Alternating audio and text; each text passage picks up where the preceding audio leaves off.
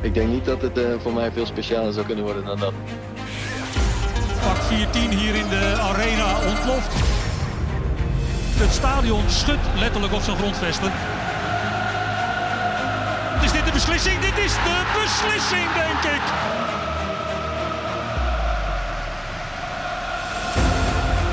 Zo'n band met een club heb je maar één keer normaal gezien. En dat je op dat moment ook nog als aanvoerder in zo'n wedstrijd kan winnen, dat is gewoon bizar.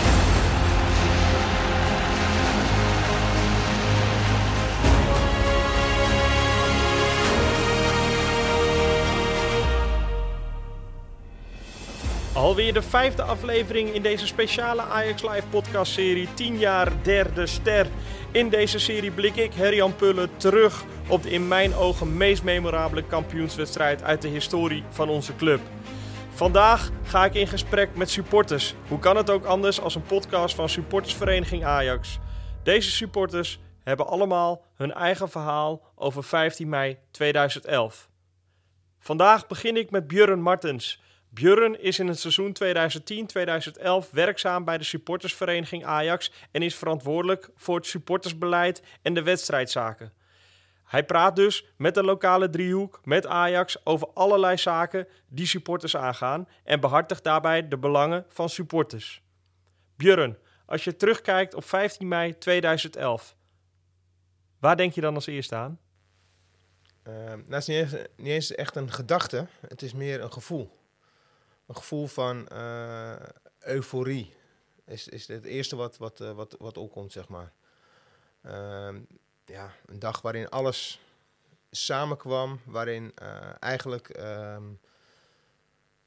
voor het eerst, denk ik, echt ehm, iedereen met hetzelfde doel, met hetzelfde mindset in het stadion was. Je hebt natuurlijk verschillende groepen binnen Ajax. Uh, er zit af en toe wat spanning op, er zit wat, wat, wat nervositeit, er zit wat jaloezie af en toe. Uh, en op die dag was eigenlijk iedereen had dezelfde mindset. Er werd niet naar elkaar gekeken, er werd niet uh, gewezen. Er was iedereen dezelfde kant op met dat ene doel. En dat was ja, die titel winnen. Dat is wat mij, als je het over 15 mei hebt, dat is het gevoel. Het gevoel van die dag, dat overheerst. Uh, en dan heb je natuurlijk de, momenten met Siem de Jong, et cetera. Maar het gevoel van euforie, van dit gaan we met z'n allen doen, dat is wat het meest naar boven komt. En dat is het gevoel wat ik uh, heel weinig zo, misschien helemaal niet anders, zo gevoeld heb binnen, binnen mijn supporterscarrière, zeg maar. Het seizoen 2010-2011 was erg onrustig op bestuurlijk niveau met de Cruijff-revolutie, trainerwissel tussen Martin Jol en Frank de Boer. In hoeverre overheerst het geluksgevoel van het kampioenschap dan? Of overheerst juist de onrust binnen de club bij jou als uh, toenmalig medewerker binnen de supportersvereniging Ajax?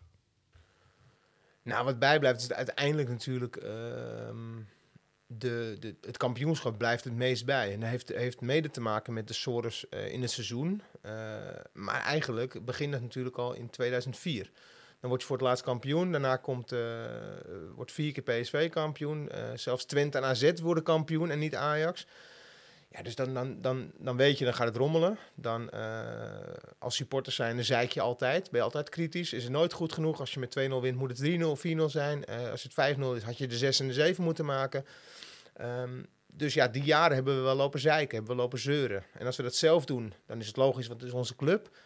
Maar uh, ook van de buitenwacht werd er nogal gezeken. En dat kan je dan minder goed hebben, want ja, het is wel je club waar ze dan aankomen. Dus um, die Sores, die, die, die was er. Dat is een hoop gezeik geweest. In de jaren daarvoor al, 10, 11 was natuurlijk een, een, uh, ja, een hoogtepunt, of een dieptepunt, uh, hoe, je wil, hoe je het wil noemen.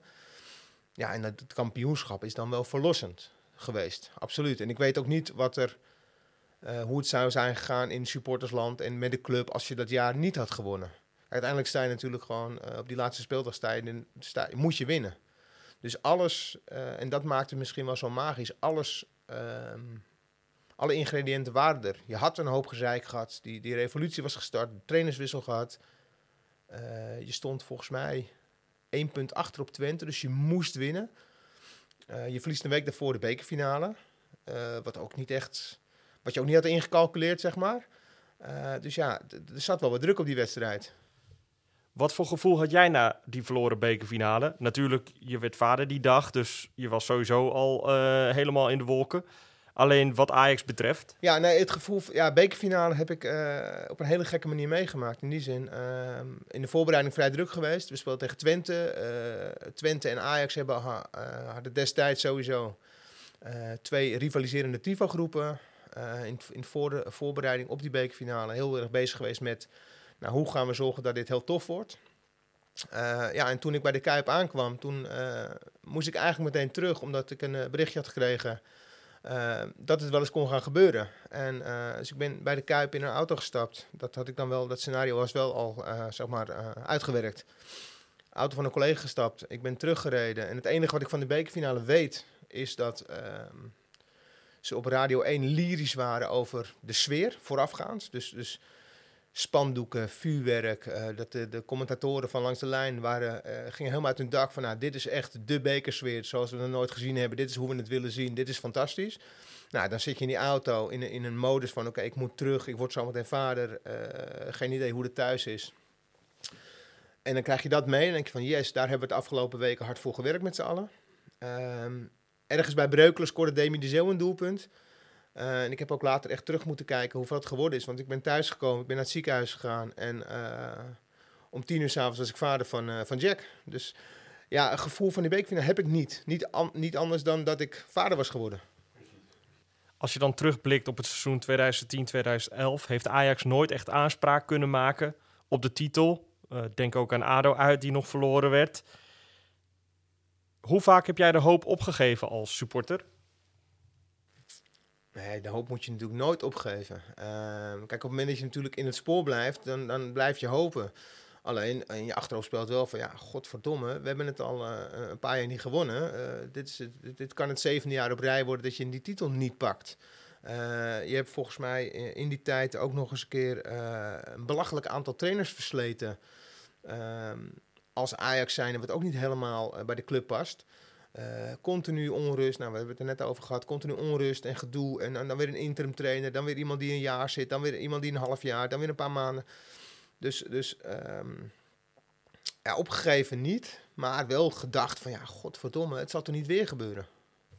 Jij werkte in die tijd als eh, coördinator supportersbeleid bij de supportersvereniging Ajax. Wanneer begon te leven? We moeten wel iets gaan regelen voor 15 mei. We moeten alles uit de kast gaan trekken om die derde ster binnen te halen. Dat 30ste landskampioenschap. Kan je daar wat meer over vertellen? Nou, kijk, dus, er zijn natuurlijk allemaal allerlei eh, contacten onderling. Eh, zoals die er altijd zijn, informele contacten waar mensen bezig zijn eh, met, met, met, met acties, met dingen organiseren. Ehm, dus er lag een, een, een draaiboek in die zin van, van sfeeracties, zoals we het altijd deden. De- er worden doeken gemaakt vanuit, de, vanuit de supporters, vanuit de van vak 14 ultra's, ehm bezig. Er lagen nog wat doeken, dus er was wel een plan van oké, we willen een bepaald aantal doeken willen we op de tribune hebben. Nou, dan verlies je de bekerfinale. En dan op een gegeven moment is het wel van, ja jongens, ehm, wat kunnen wij doen? Ehm, eigenlijk zoals de hele organisatie van Ajax is ingericht. Maar dit, op, dat moment was het ook vanuit de supporters. Wat kunnen wij doen om het team te ondersteunen, om, om dienstbaar te zijn richting het team, om te zorgen dat we die titel winnen? En in die week voorafgaand aan de, zeg maar na de bekerfinale en voor de, voor de 15 mei, die week, ja, toen zijn we wel bij elkaar gekomen met een aantal mensen. En van, nou, wat kunnen we nou doen en, en hoe kunnen we dat doen? Ja, dan heb je het over hele basisdingen. Van joh, oké, op het moment dat, dat, dat wij in het stadion zitten als supporters, dan moeten wij zorgen dat, dat het heel duidelijk is dat er niks te halen valt. Oké, maar hoe kunnen we dat dan doen? Nou, we, we hebben een toffe actie, dat, moet, dat moeten we een boost geven. We, vuurwerk mag niet, maar goed, wat er dan wel mag is georganiseerd. Nou, laten we dat dan goed aanpakken, zorgen dat in ieder geval eh, een goede vuurwerkshow op, eh, op, eh, op, op poten zetten, zodat het ook overslaat op de tribune. Ehm, ja, maar wat, wat nog meer? Wat, wat kunnen we doen? Hoe, hoe zetten we die gasten onder druk? Nou, oké, zodra ze aan de bal zijn, streamend fluitconcert. Gewoon meteen negatief, eh, keihard zorgen dat zij op mensen de bal hebben, dat ze eigenlijk die bal niet meer willen hebben, omdat wij zo'n enorm kabaal maken. En zodra wij de bal hebben, keihard ondersteunen op positieve manier. Nou, oké, we kunnen wel meer doen. Nou, en en zo, zo ga je een aantal scenario's af en ga je kijken wat, wat kan je doen. En ehm, oké, we, hebben we hebben een capo op, op Zuid staan. Ehm, maar de rest hoort hem niet. Kunnen we daar iets mee doen? Misschien kunnen we in in techniek iets ver- verzinnen. Ja, maar als we nou over die stadion heeft boksen, kunnen we daar niet iets mee? Ja, mag dat dan? Wel of niet? Ja, eh fuck it, we gaan het gewoon proberen. Ja, en eh, uiteindelijk is dat eh, scenario ook gewerkt. Heeft, heeft gewerkt. Dus Je, je komt het stadion in en op dat moment ben je natuurlijk al opgepompt. Je weet wat er gaat gebeuren, wat er kan gaan gebeuren. Maar je weet in ieder geval dat je her- herrie moet maken. Er zijn pamfletten opgehangen van jongens, er is, valt hier niks te halen. Eh, dit is wat we van jullie als supporters verwachten. Eh, doe mee. En dat heeft geresulteerd in, een- in een ongekende, eh, on-Ajax, on-Nederlandse verbale ondersteuning van de tribune. Gewoon één grote klerenbende, gekkenhuis, hoe je het wil noemen. Werd die dag de arena, nu tegenwoordig Johan Cruijff Arena, een echt Ajax-stadion? Ehm, ja, voor een groot gedeelte eh, wel. Eh, het zijn natuurlijk meer me- legendarische momenten die, eh, ehm, die helpen. Wedstrijden zoals tegen Kiev, Fiorentina, dat soort beslissende wedstrijden. Kijk, het stadion heeft natuurlijk... wij hebben natuurlijk vanaf de andere kant... aan het uiterlijk hebben we behoorlijk lopen sleutelen. Ook vanuit supporters en ook vanuit supportersvereniging Ajax... hebben we ons daar druk om gemaakt om meer rood in het stadion te krijgen. Dat was nog voordat die stoeltjes vervangen werden. Hebben we, hebben de, die, die, die rand op de tweede ring vervangen. Vlaggen, al, allerlei uitingen. Eh, op de omlopen zijn we bezig met, gewoon met kleuren om te zorgen dat het ons stadion werd. Meer en meer. Ehm, ja, en, en successen helpen. En, en ehm, ja, 15 mei, de derde ster, dat is natuurlijk eh, iets wat, wat uiteindelijk dan eh, zeker meewerkt in, in het gevoel van... oké, dit is ons huis. Absoluut. Dan is het 15 mei, half drie. Met welk gevoel sta jij op dat moment op de tribune? Ehm, ja, eigenlijk heel, met, met een heel goed gevoel. Eh, omdat, ehm, kijk, er stond enorm veel druk op de wedstrijd, daar hebben we het net over gehad. Hè? Eh, je moest winnen, je, stond niet, je, stond, je had geen gunstige uitgangspositie als zijnde, we kunnen op een gelijk spelletje spelen. Eh, maar eigenlijk vanaf minuut 1 was, je, was ik overtuigd dat het ging lukken. Omdat ja, het, het, het, kon niet anders of zo. Het was voorbestemd. Ehm, er, was er, was, er was absoluut spanning. Maar ik had geen twijfel over een goed resultaat. Omdat ja, het klopte allemaal. In, het gevoel in ieder geval. Natuurlijk, als je dan, als je dan niet, niet zou redden, dan zou je compleet eh, in zak en as zitten. Maar mijn gevoel, ik had geen twijfel over dat we, het, eh, dat we, dat we kampioen zouden worden. Dat was er niet. Het gevoel eigenlijk, eh, eh, je vertelde net over eh, een supporter die in het bezoekersvak zat. Nou, dat, dat gevoel wat hij had van, er valt hier niks te halen. Dat gevoel had ik ook. Ja, er valt hier niks te halen. Ik weet niet wat jullie komen doen. Jullie hebben de beker gewonnen, maar wij worden vandaag kampioen. Dat gevoel overheerste enorm. Dat gevoel overheerste enorm, geef je aan. Wanneer was voor jou het duel dan ook definitief beslist? Vanaf minuut 1 of was dat pas bij de 3-1? Nee, nee, kijk, uiteindelijk, eh het gevoel is goed. Ehm, je maakt 1-0. Ehm, uiteindelijk ehm, maak je 2-0. Nee, dat is, eh, dan, dan is, dat is lekker. Maar goed, die 2-1 valt ook. En je weet dat ze met, eh, met Jansen... Die, die, kijk, Jansen kon op dat moment natuurlijk ook niet- niks goed doen. Als hij met Twente zou winnen, dan kon hij niet meer naar Ajax. En het gerucht ging natuurlijk al. eh, wellicht was het al beklonken, dat weten we niet. Maar weet je, die zat natuurlijk in een moeilijke positie. In die zin dat als hij met Twente won, dan was hij daar de held. Maar dan kon hij niet meer naar Ajax toe. Als hij eh, eh, het heel slecht zou doen, opvallend slecht zou doen... dan zou hij gefileerd worden in Enschede. Maar hij scoort wel die goal.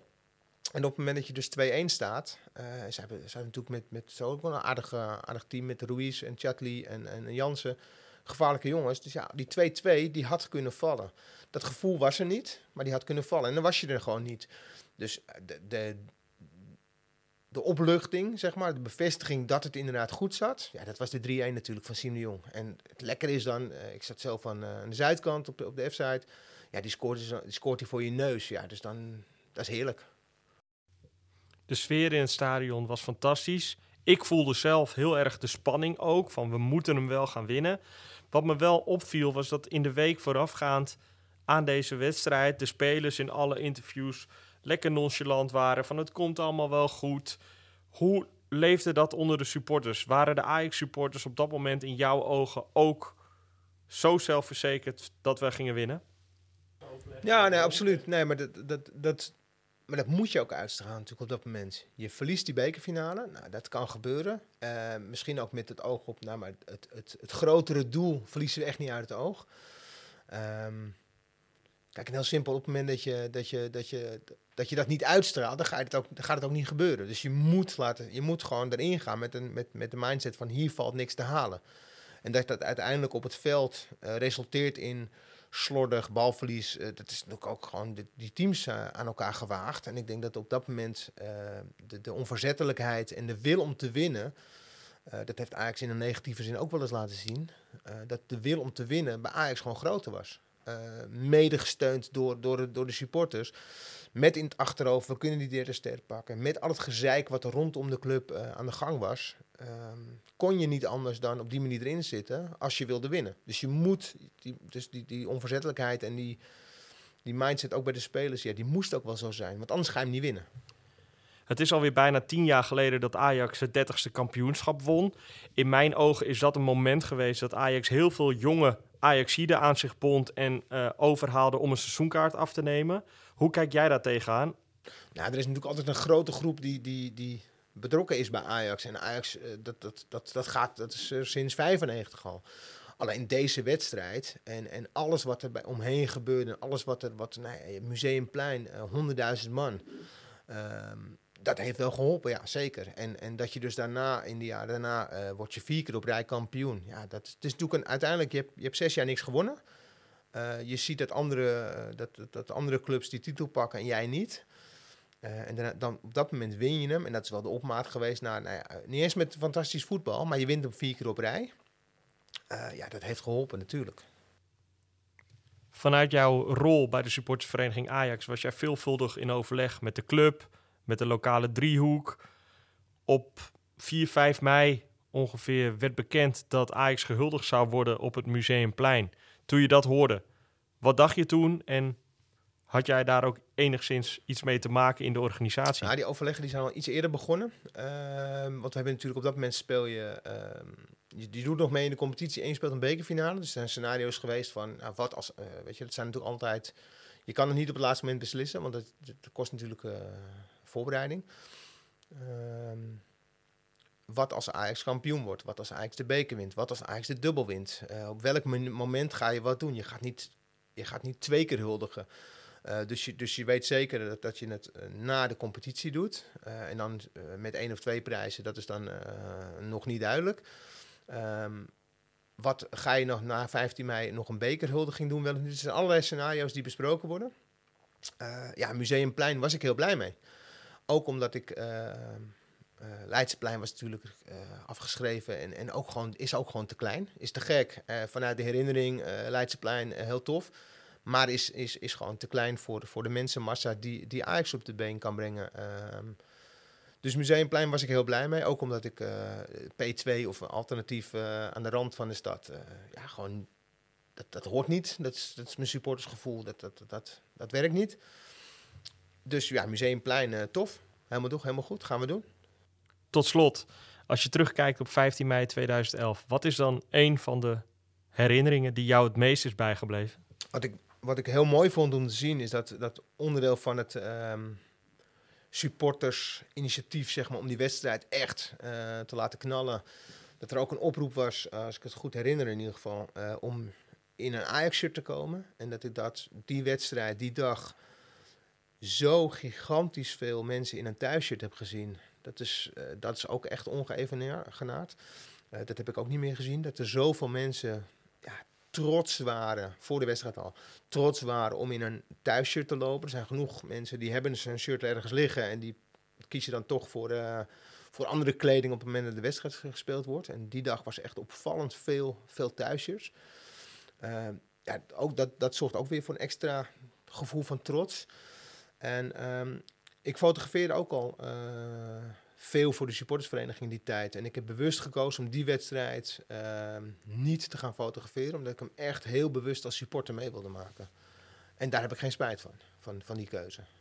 Je luisterde naar Björn Martens, werkzaam bij de supportersvereniging Ajax in het seizoen 2010-2011 en was verantwoordelijk voor het behartigen van de belangen van alle Ajax-supporters.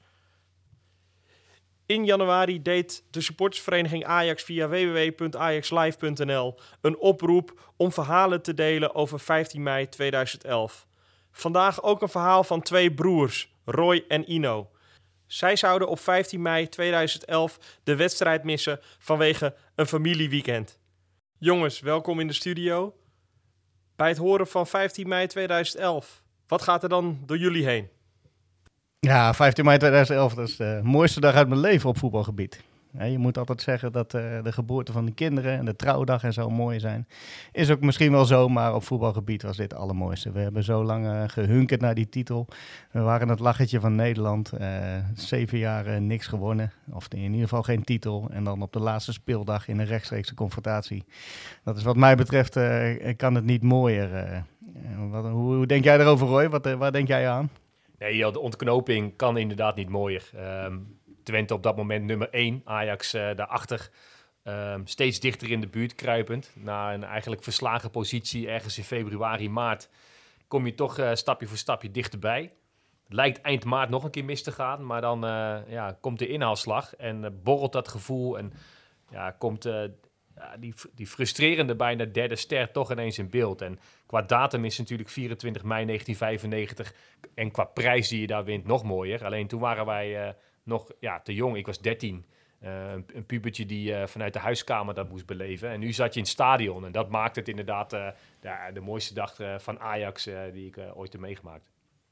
Absoluut. Waren jullie een week eerder ook bij de bekerfinale aanwezig? Of, Ja, ik wel ja. Jij ook Ino? Eigenlijk? Nee, ik was niet. Ja, ik wel. Ja, dat was een wedstrijd die uh, volgens mij in mijn beleving een beetje gelijk opging. Uh, die we door een kopduel of een uh, winnende goal van Janko volgens mij van Twente toen verloren. Maar ik had toen niet per se zoiets van, nou, nu, nu verspelen we ook het kampioenschap. Misschien wel het tegendeel.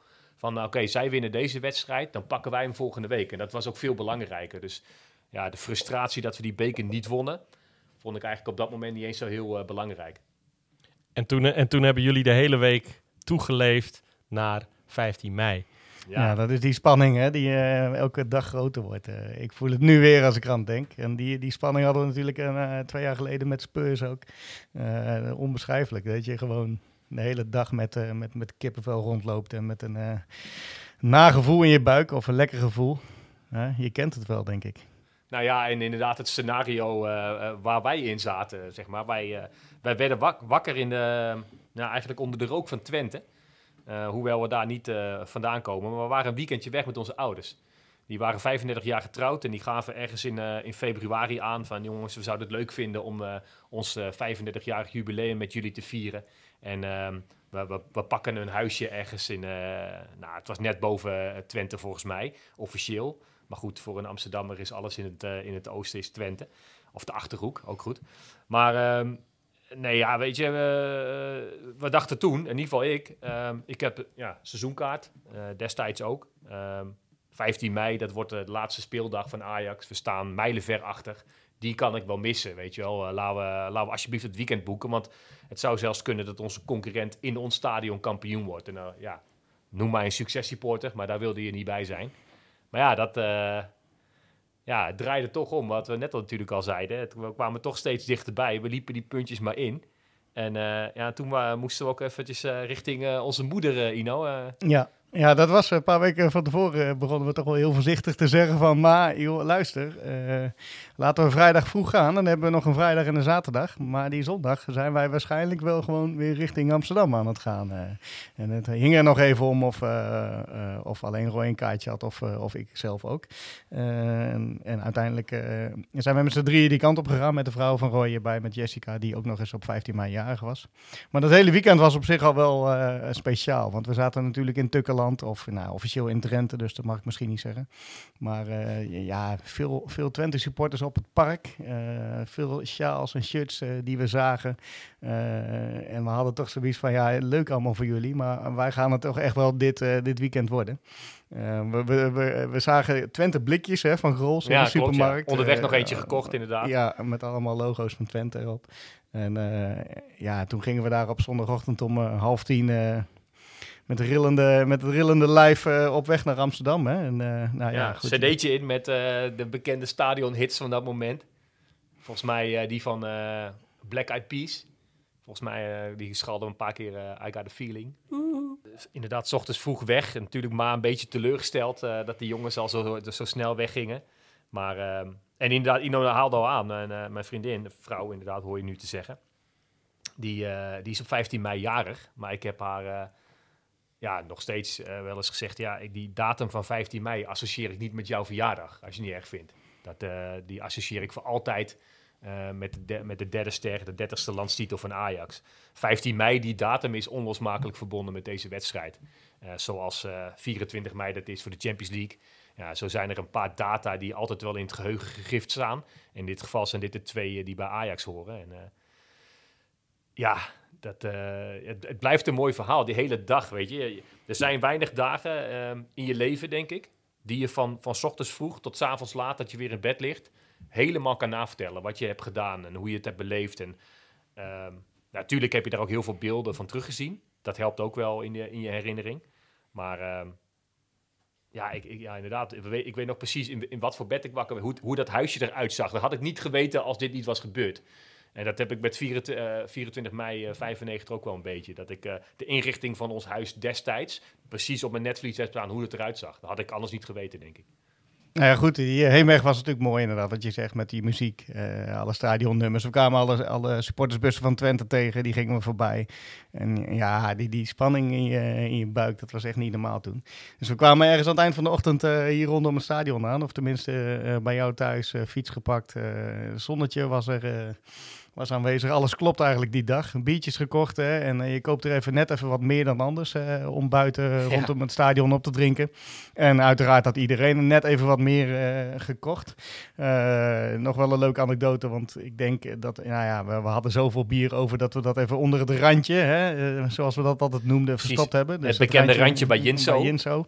En, eh, en, en ja, als je dan na de wedstrijd ziet, maar goed, we hebben zometeen nog een anekdote van de wedstrijd, denk ik. Maar als je dan na de wedstrijd bij het randje komt en je biertjes staan er nog, dan is dat wel een, Juichmomentje, een, ja. mooi, momentje. Ja, Ja. Je wil maar door blijven drinken. Je kan ook door blijven drinken. Er zijn wel eens wedstrijden waarbij je pff, bij het vierde, vijfde biertje al een beetje denkt van... nou, eh, weet je, hij, eh, hij hakt er flink in. Eh, het is wel genoeg geweest zo, zeker op de vroege zondag. Maar dit was een wedstrijd, eh, er kwam zoveel spanning vrij, zoveel adrenaline. En eh, ja, eh, de, de beattank die, die, die draaide overuren, denk ik. Eh, zeker bij ons ook wel. En, eh, dus het was heel mooi dat die biertjes er aan het eind van de wedstrijd nog stonden. Zodat we nog wat eh BVO'tjes hadden op weg met de fiets inderdaad naar het Museumplein. Dat hadden we denk ik wel goed gedaan ook. Dat we een beetje vooruit dachten. Inderdaad, vroeg met de auto weg. We hadden ook wat later kunnen gaan. Dat had Ma misschien nog wel leuk gevonden. Maar we dachten nee, we gaan vroeg weg. Want we moeten nog de fiets pakken. We willen nog de fiets pakken. We willen alles meemaken. Weet je, niet, niet een kwartiertje voor tijd aankomen, zeg maar. Maar echt gewoon uren van tevoren. Zodat je met z'n allen in die stemming kan komen. Nou, en iedere supporter kent dat gevoel wel. Dat je ja, dichter, hoe dichter je bij het stadion komt, hoe sneller je hart eh tekeer gaat. En eh, ja, en dan, dan eh, deel je al die spanning vooraf en de vreugde achteraf ook met elkaar. En ik denk dat dat heel typerend is voor, voor voetbalsupporters in het algemeen. We hebben in voorbereiding op dit eh, interview nog even wat, wat sfeerbeelden gekeken. Er staan prachtige filmpjes op YouTube, onder andere van, eh, van Pi Alpha. Ja, dan zie je die ontlading bij de doelpunten. En, eh, maar ook voor de wedstrijd al. En, en ook na de wedstrijd, hoe mensen elkaar in de armen vliegen, wildvreemden. En dat heb je alleen maar bij dit soort wedstrijden. Weet je, als je, als je thuis tegen RKC de 3-0 maakt, dan wil je ook nog wel eens je buurman een high five geven. Maar dan ga je daarna weer, eh, ben je meteen weer rustig. Maar bij deze wedstrijd en hoe iedereen over elkaar heen vliegt. Ja, en dat gebeurde dus niet alleen op de F-side en 14 destijds nog. Maar ook gewoon op, eh, op Noord Tweede Ring waar ik zat. En Ino zat tegen de hoofdtribune aan, eh, volgens mij. Maar mag ik Ja. zelf vertellen. Ja. En ik denk ook dat het daar lekker tekeer ging. Ja, vak 111 inderdaad. Dus, maar overal in het stadion was die, die eh, geladen sfeer. Dat was echt niet normaal. En wij hadden ook nog eens even de, de businessclub van Twente daar zitten achter ons. Een mannetje of 50. eh, dus daar waren nog wel eens wat discussies tijdens de wedstrijd. Want ook zij waren natuurlijk voor, uh, boordevol spanning. Eh, maar iedereen in het stadion voelde denk ik na een paar minuten, nou ja, ik al bij de opkomst, eh, al wel aan eh, dat we gewoon, dat niemand, dat Ajax gewoon niet te verslaan was in de arena op die dag. En, en dat Twente precies even op het verkeerde moment kampioen kon worden op 15 mei 2011. Als zij tegen een andere tegenstander hadden gespeeld, waren ze dat waarschijnlijk wel geworden. Want ze hadden gewoon een prima elftal. Maar wij waren die dag niet te verslaan. En die dag werd, werd de arena ook wel echt het Ajax-stadion voor het eerst, vond ik. Ja, zeker. Voor die tijd, eh, inderdaad, als je die beelden nog een beetje terugkijkt, dan zie je natuurlijk nog de, de oude stoeltjes, eh, de grachten rondom, de, eh, rondom het veld. De arena was echt nog de arena en werd die dag volgens mij ook wel een beetje het Ajax-stadion. dat, ja, echt omarmd door de supporters van ja, zie je, het lukt hier wel. Na al die jaren dat het natuurlijk niet lukte, hadden we uit mijn hoofd een jaar of anderhalf jaar daarvoor al een keer de voorronde van de Champions League doorstaan om eindelijk in de groepsfase terecht te komen tegen Kiev. Dat was natuurlijk ook een memorabele wedstrijd. Maar dat was slechts tussen aanhalingstekens het bereiken van de groepsfase Champions League. En nu was het eindelijk die derde ster en de schaal en, en alles wat erbij kon kijken. Dus ja, de euforie in het stadion was eh, onbeschrijfelijk. En ik denk dat, ja, we blikken nu terug op tien jaar eh, dit kampioenschap. Destijds de dertigste. We zitten inmiddels op eh 34, hopelijk bijna 35. Bij het uitgeven van deze podcast is het misschien al zover. Nee, ja, weet je, en dat, eh, er zijn geen enkele van die 35 kampioenschappen, behalve deze, kan je inderdaad nog de datum precies herinneren. De, de hele sfeer in het stadion je precies herinneren. De, de jaren daarna dat je ook kampioen werd, natuurlijk weet je vaak nog wel tegen wie je speelt en hoeveel het geworden is en wie er scoorde. Maar van euforie op, die grootte ehm, ja, heb je denk ik alleen eh 15 mei. Zover ik me kan herinneren als eh, bijna 40er. Hoe belangrijk is 15 mei dan ook voor jullie? Ik denk dat voor de jongere generatie supporters 15 mei een moment is geweest dat heel veel Ajaxiden de club op de voet zijn gaan volgen, een seizoenkaart nemen. Wenen was natuurlijk ook echt wel een moment, maar voor onze generatie, om het zo maar even te zeggen, hoe belangrijk was 15 mei? Nou ja, kijk, natuurlijk is, is Wenen eh, belangrijk, want die hebben we natuurlijk ook meegemaakt. Eh, weliswaar niet in het stadion, maar die, die blijft natuurlijk belangrijker. Maar om er live bij geweest te zijn, eh, hadden wij inderdaad iets ouder moeten zijn. En ja, kijk, ik kan me voorstellen dat de mensen die in Wenen waren dat natuurlijk nog mooier vonden. Maar voor een hele nieuwe generatie, zeg maar de, de onder 40 eh, jaar, is 15 mei 2011 misschien wel de mooiste. En in ieder geval voor mij, waar ik live bij aanwezig was. Ja. En ik denk ook dat, dat zo'n kampioenschap mooier wordt. En dat klinkt dan stom. Als je het heel lang ook niet bereikt hebt. Dus al die jaren frustratie van dat het niet lukte. En natuurlijk met de introductie eh, van de sterren. Volgens mij uit mijn hoofd ergens in 2006 of 2007. Toen was natuurlijk meteen al bij de Ajax-supporters zoiets. We, had- we stonden destijds op 29. Ach, we hebben nog maar één jaartje nodig en hebben we die derde ster. Dat gaat ons wel even lukken. En we kwamen er natuurlijk in Tilburg in 2007 heel dichtbij. Eh, sterker nog, daar had je hem moeten pakken.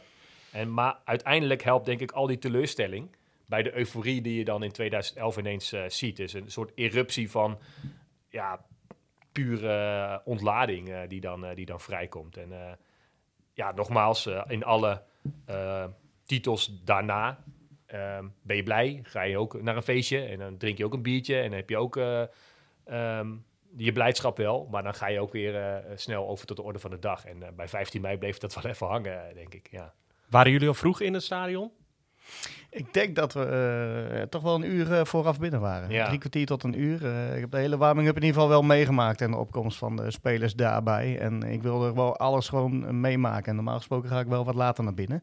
Maar nu wilde je daar gewoon bij zijn van, vanaf het beginpunt meemaken. Dus ja, kijk, het- dan, dan, gaat die wedstrijd komen. Crazy on the dance floor voor het eerst. Ja, fantastisch. En Kippenvel als we er weer aan denken. Ik zeg het nog maar een keer. Eh, maar het was gewoon, eh, ja, die, hele wedstrijd hoeven denk ik ook niet meer op terug te komen. Iedereen kan die zich nog voor, eh, voor de geest halen. Ja, de sfeer die in het stadion was, was magnifiek. En eh, ik vergeet ook nooit meer de woorden van Jan van Hals, die het had over een 52.000 koppig monster. Eh, wat de arena echt voor het eerst inderdaad werd. En Roy zei het al, die eh, Dynamo Kiev-wedstrijd, dat was ook wel een mooie. En daar zag je het voor het eerst dat het ook echt wel kon. Maar dat het echt zo hard tot uiting kwam, was op 15 mei 2011. Nou ja, en eindelijk ook met, met seizoenkaarthouders die daar al heel lang op aan het wachten waren. Bij Europese duels heb je toch ook vaak niet per se de seizoenkaarthouders. Niet om die mensen tekort te doen, hoor, want het zijn net zo goed eh, eh, Ajax-supporters. Ehm, maar ja, de seizoenkaarthouders, dat zijn natuurlijk de mensen die elke of om de week al jarenlang eh, naar de arena gaan. En die hadden dat succes al heel lang niet meer meegemaakt. Eh, denk ik. Niet elke seizoenkaarthouder gaat per se ook naar voorronde wedstrijden van, eh, van Champions League om Kiev nog maar eens aan te halen. En eh, nu wel. Nu had je echt iedereen ja, in het stadion zitten die daar echt enorm naar hunkerde. En eh, ja, het lukte. En inderdaad, wat Ino al zegt, ik denk vanaf opening stadion eh, was het al meteen druk in, eh, eh, in het stadion. Je voelt dat ook van, eigenlijk wel aan. Hè? Er zijn bepaalde wedstrijden, bijvoorbeeld ook in dat Champions League jaar tegen Juventus, Spurs, waarbij je aanvoelt, we gaan vroeg. Want ja, alle support is meegenomen. Je wil zelf ook inderdaad de koppen van de spelers even zien als ze de warming-up doen. Normaal gesproken kom je misschien inderdaad pas 10 minuten van tevoren het vak op, als je er al 10 minuten van tevoren bent. En nu ga je echt bewust eh, al heel snel naar binnen. En voelde je ook echt aan alles. De- deze wedstrijd gaan we hoe dan ook winnen. Dit, dit, weet je, onder aanvoering eh, van, van het geluid wat massaal werd gemaakt vanaf de zuidkant. Vanuit de F-site en 410. eh, dat zwelde zo enorm aan. En iedereen werd erdoor gegrepen. En we hadden het net ook al aan. Dat, dat ook aan de noordkant en de oostkant op de hoofdtribune. Mensen gingen gewoon massaal mee in die hele flow. En ik kon vanaf mijn stoel op, op 413 eh, Ino zien eh, op, op 111. Ik hoef een klein stukje naar beneden te kijken. En daar zag je dus ook gewoon iedereen staan. Behalve inderdaad die groep eh, Twente supporters. Die vielen ook wel op, omdat die echt massaal bleven zitten. Misschien ging daar die discussie ook al over eh, met ze. Maar ja, ik denk dat elke Ajax supporter ook echt niet kon om te gaan zitten. Je, je knieën stonden zeg maar eh, verstijfd om... eh, en dat is mooi, om, om te blijven staan. Ja, die discussie ging daar zeker over. Ik moest maar gaan zitten, want eh, anders konden zij de wedstrijd niet zien. Maar ze hadden niks om te zien. Wij werden kampioen, afblijven. Ja. Nou ja, jij zei net ook, eh, we gaan het niet te veel over de wedstrijd hebben, vind ik terecht. Maar toch, eh, eh, Twente kreeg echt na een halve minuut of zo al een enorme kans. Als je die beelden nog eens terugziet, dan zie je dat de, mist van het vuurwerk nog niet is opgetrokken. Of Brian Ruiz krijgt een kans die, die Kenneth Vermeer goed pakt. En ehm er was toch even zo'n momentje van, ah shit, dat goede gevoel. Het zal toch niet eh, ineens zo zijn dat dat nu binnen een minuut al eh, weer weg is. Maar nee, ja, ik, weet je, ik wil het publiek nooit overschatten in zijn rol. Van het zijn van de twaalfde man, dertiende man. Maar eh, Ino gaf net die, die quote van Jan van Halstal aan. Die wedstrijd ben ik 100% van overtuigd dat de massale support van het publiek op die manier echt heeft bijgedragen aan het zijn van ja, het geven van vleugels aan die spelers om, om er echt kort op te zitten. Je ziet dat ook in de wedstrijd terug als je die, die terugziet. Vooral Jan Vertongen, man, die was echt zo niet normaal goed. Ja, Weet Vertongen, Anita, de Zeeuw, die waren alleen maar aan het jagen. En Ja. eh, dat gaf eh, de Ajax-spelers vleugels, maar het gaf ook de angst eh, bij de Twente-spelers. Je ziet volgens mij ook Theo Jansen een keer naar het scherm kijken met zo'n blik van, ja, we gaan hier vandaag niet winnen, jongens. Stop er maar mee. Ja, klopt. Volgens mij heeft hij het in interviews zelf ook wel eens aangegeven. ehm, dat, dat inderdaad voor Twente al heel snel duidelijk was dat er echt niks te halen viel. Wij gingen winnen. Dat, was, dat stond als een paal boven water. En je hoort dat de commentator ook zeggen. Hè, volgens mij is Team de Jong 78ste minuut. Is dit de beslissing? Dit is de beslissing. En een kwartier voor tijd. Met, met eh, nou, slechts twee doelpunten verschil. In elke andere normale wedstrijd, hè, je ziet het de laatste tijd ook Europese velden wel vaak gebeuren. In dat laatste kwartier kan echt nog heel veel gebeuren. Dat klinkt als een enorm cliché. Maar ehm, dit was een zekerheidje. Die 3-1 viel, dit is een zekerheid. Dit gaan we winnen. En ik weet nog dat ik als supporter ook echt bij elke aanval van Twente riep... Schiet hem er dan in, doe het dan, doe het dan, schiet hem er dan in. Zo van, ja, dan is het 3-2 ja, en dan nog. Dan gaan we nog winnen. Ja, Ik zat zelf eh, deze dag eh, in vak 14, uiteraard eh, aan de zuidkant van het stadion. Vak 14 zat in de eerste jaren van het bestaan aan de noordzijde. Jullie zaten ook aan de noordzijde. Hoe was het in het stadion qua lawaai aan de noordzijde van het stadion? Want aan de zuidzijde konden wij bijvoorbeeld het uitvak absoluut niet horen. Maar ik kan me zo voorstellen dat elke poging die het uitvak ondernam om lawaai te maken... direct door Ajax-supporters als eh, mogelijkheid werd gezien om extra lawaai te maken. Ja, klopt. Het werd volledig overstemd. En als je midden in het uitvak staat, dat weet je zelf ook als je als supporter in het uitvak staat, dan heb je altijd het idee dat je eh, overheerst en dat je veel eh, luider aanwezig bent, omdat je natuurlijk ja, kort om, de, om het geschreeuw heen staat en in het geschreeuw zit. Ehm, maar ja, ik, ik kan me inderdaad edities die jaren daarvoor herinneren tegen Twente. En die hebben het vaak in die jaren goed gedaan tegen Ajax. Ik kan me nog een keer herinneren in de play-offs dat ze met allerlei strandballen eh, in het uitvak stonden. Want zij waren al geplaatst geloof voor Europees voetbal en Ajax moest nog. Volgens mij die wedstrijd van Oezijs, dat me goed herinneren, doet er verder niet zoveel toe. Maar daar was Twente veel meer aanwezig. Maar dat kwam denk ik met name in de wedstrijd op 15 mei door het massale gezang en ge- gespring. En, eh, Ja, ja, normaal gesproken is een uitvak in de arena eh, tegenover de F-site aan het zingen. Of, of tegen vak 10 of, of beide. Ehm, maar nu ja, was het tegen het hele stadion eh, denk ik geen doen voor ze. Nee, nee, nee. Ja, ik, her, ik, ik ben fan van uitvakken. En ik vind van die periode, gewoon rondom 2011, toen kwamen er nog echt veel supporters mee met Ja. clubs. En dat zie je nu een stuk minder. En eh, ik vind het overklassen van, van uitvakken Eh, ja, dat, dat, dat, dat is genieten. Dat Ja, vind zeker. ik zelf... eh, Het nog- is ook genieten, maar ik denk dat het ook gevoelsmatig is. Onze rivaliteit met Twente natuurlijk niet zoals eh, je misschien bij, bij, bij vergelijkbare topwedstrijden hebt, PSV of Feyenoord. Dat zijn natuurlijk veel meer rivalen en dan gaat het er ook veel feller op tegen het uitvak, denk ik zelf. Ehm, ik heb niks met Twente, maar ik ook zeker niks tegen Twente. Die hebben het gewoon goed gedaan. Die hadden toen ook echt een goed voetballende ploeg. Ja, ik weet niet of dat per se dan respectvol heet, maar ik, ik heb ben me veel minder met het uitvak eh, bezig gaan houden. En dat gevoel had je om je heen ook wel.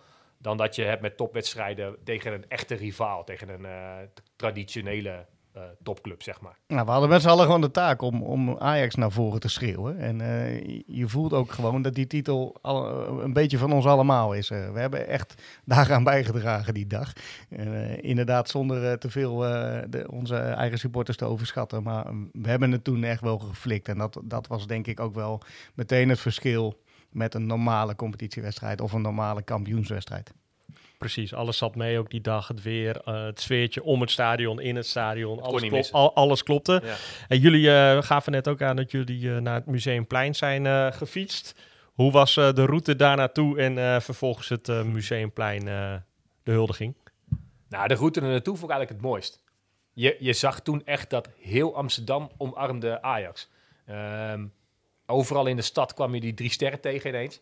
Dat had Ajax denk ik met de gemeente, of misschien de gemeente zelf, eh, goed voorbereid. Het was echt eh, te gek. Al, overal vlaggen te zien met drie sterren erop. Volgens mij die Shell-toren die nog... eh, ja, of het nou drie sterren was of het oude logo destijds, dat weet ik even niet meer. Want het was een ander moment dat, dat, dat nog eens op de Shell-toren iets, iets moois te zien was.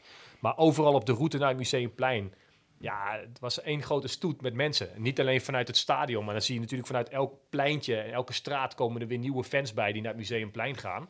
En op het Museumplein, ja, daar moet je denk ik een beetje type voor zijn. Ik hou niet echt van die hele massale eh, gebeurtenissen. Ik vind altijd wel, je wil er even geweest zijn. Je wil het even afgevinkt hebben van, nou, ik was, daar ook even bij. Maar eh, wij hadden die euforie natuurlijk in het stadion al eh, gehad. En mooier dan dat werd het niet. Ehm, en en, gelukkig heb ik weinig gezien van wa- wat er ook allemaal misging bij die huldiging. Want wij stonden, mee, we stonden een beetje halverwege in, volgens mij. Vanaf de, ehm, eh, vanaf de pijp, zeg maar, die kant. Ehm, en ja, Nou ja, normaal gesproken zou zo'n dag dan een klein beetje doodbloeden. Hè? Want je bent in het stadion geweest. eh de Museumplein is dan een, een leuk toetje. Maar het is vooral dat je met z'n allen bent. En die, die tasjes met blikjes bier, die bleven maar vol. Eh, en ja, die, die sfeer is natuurlijk... Je bent helemaal in die jolige stemming. Maar in ons geval eh, kwam er nog een mooi staartje aan de dag. in de vorm van het feest, het besloten feest in Panama. waarbij we toen aanwezig konden zijn. ehm, en dat, dat was ook wel een mooi avondje. En toen is uite- uiteindelijk wel het lichtje ergens rond een uurtje of twee s'nachts uitgegaan. Ja, ook Ja. daar was het inderdaad fantastisch. En natuurlijk is zo'n zo'n huldiging op Museumplein, zo'n massa mensen die op de been komt. Ajax en de- de- het team van dat moment verdiende niks anders dan zo'n hele stad vol en Museumplein vol, eh, vol Ajax-supporters. Dus heel goed dat dat er is. Ehm, maar als ik het even op, me- op persoonlijk betrek, zeg maar, je, je hebt een soort totale gekte. Je weet eigenlijk niet waar je heen wil. Je wil alle, alle kanten op. Je wil naar elk plein, je wil naar elke kroeg, om daar eh, wederom eh, weet ik, in een hossende mensenmassa terecht te komen. En eh tuurlijk kies je uiteindelijk even voor het Museumplein om, om, dat, te, om dat te vinken en ehm, ja, om, om daar toch geweest te zijn. Maar volgens mij hebben we, hebben daar niet per se heel lang gestaan. Het was meer zoiets van, ja, oké, top, dit hebben we ook gezien. En nu weer door. Nu gaan we naar het Leidse, naar het... Je wil overal heen. En eh, ja, inderdaad, uiteindelijk werd het eh, de, de fietstocht richting, eh, richting Panama, waar dan de spelers een, een groot feest aangeboden. Ja, was, dat was ook waanzinnig. Dat, ja, klinkt een beetje als een groupie als ik daar de- te veel over doorpraat, maar ja, dat we daar aanwezig konden zijn op een of andere manier. Wat, wat was daar zo mooi aan? Want, want heel veel supporters, het zijn natuurlijk besloten feesten, hè? dus dat, dat, daar kom je niet zomaar tussen. Maar wa- wa- waarom was Panama voor jullie ook zo mooi? Nou, ik denk juist omdat je daar zag dat, dat wat wij als supporters hadden, die massale blijdschap en die totale gekte, dat die spelers het ook hadden. Klinkt logisch, maar dat is het niet altijd. Ik bedoel, als je in die spelerswereld zit en je hebt, eh, ja, Ajax had toen niet eh, heel veel ervaren routiniers. Eh, de meeste spelers maakten dit ook voor de eerste keer mee. En dat kwam denk ik wel het feest ten goede. Ehm, ik weet niet hoe dat met het huidige team zit, maar die zijn al een paar keer kampioen geworden of die hebben al bepaalde successen bereikt. Dan zie je misschien een bepaalde coolheid bij spelers of die nou, dat, eh, dat allemaal maar een beetje ondergaan. Maar die avond, ja, iedereen was lijp. Jongens, Tot slot, wat is voor jullie uiteindelijk op 15 mei 2011 het mooiste wat jullie hebben meegemaakt? Ino, ik begin bij jou. Voor mij zijn dat die biertjes die onder het randje lagen. Dat was zo'n mooi moment om dan te zien. Wij, jongens, we moeten bier hebben. Eh, het is nog even lopen naar, eh, naar het station. Dat is natuurlijk helemaal niet ver. Eh, maar ze lagen er gewoon nog. Dat was fantastisch. Je had behoefte aan bier en ze lagen er nog. Dezelfde biertjes die je drie uur daarvoor onder het randje had geschoven. Zo van, nou, blijf daar maar even liggen. We komen hier zo weer halen. En voor jou, Roy? Ja, ik, het is, een goede. inderdaad, uiteindelijk naar een hele dag op pad geweest te zijn, uh, ja, die, je, je, je voordeur weer binnenlopen met, een, ja, met zo'n enorm opgelucht gevoel. En uh, ik, ik denk dat je, ja, wij kunnen elkaar zien, uh, dat je de, de grijns en de glimlach om, om gezicht nu nog terugziet. Die heb ik die, die tijd wel heel lang erop gehouden, denk ik. Dat, dat ja, je zo lang opteren. En dat, ik weet niet, op een of andere manier kreeg ik dat besef toen ik mijn voordeur binnenstapte. Mijn, vriendin destijds, die, eh, die struikelde eroverheen. Die had ook diep in het glaasje gekeken, want het was uiteindelijk toch ook nog een beetje haar verjaardag. Um, die hebben we met z'n tweeën toen in bed getild, want die kregen weg niet meer overeind. Ja, dat was, ik weet niet, gewoon de totale euforie. Dat is gewoon het, het woord euforie is uh, het moment. Dank jullie wel, jongens. Jullie luisteren naar Roy en Ino Diepeveen, twee echte Ajaxiden die hun verhaal met ons wilden delen. Dan zijn we alweer aan het einde gekomen van de vijfde aflevering in deze speciale Ajax Live podcast serie. Voordat we de eindtune instarten, hebben we nog een prijsvraag. Je kan weer een kampioenschaaltje winnen als je het antwoord weet op de volgende vraag. Welke drie spelers uit de wedstrijdselectie van Twente hebben voor of na die wedstrijd officiële wedstrijden voor Ajax gespeeld? Weet jij de antwoorden op de vraag? Stuur deze dan in via www.axlive.nl slash prijsvraag. En wie weet ben jij binnenkort de bezitter van een kampioenschaaltje uit het seizoen 2010-2011. Morgen de laatste aflevering uit deze serie. En dan spreken we met Capo Dani van vak 14 en misschien wel de grootste held van deze dag, Siem de Jong.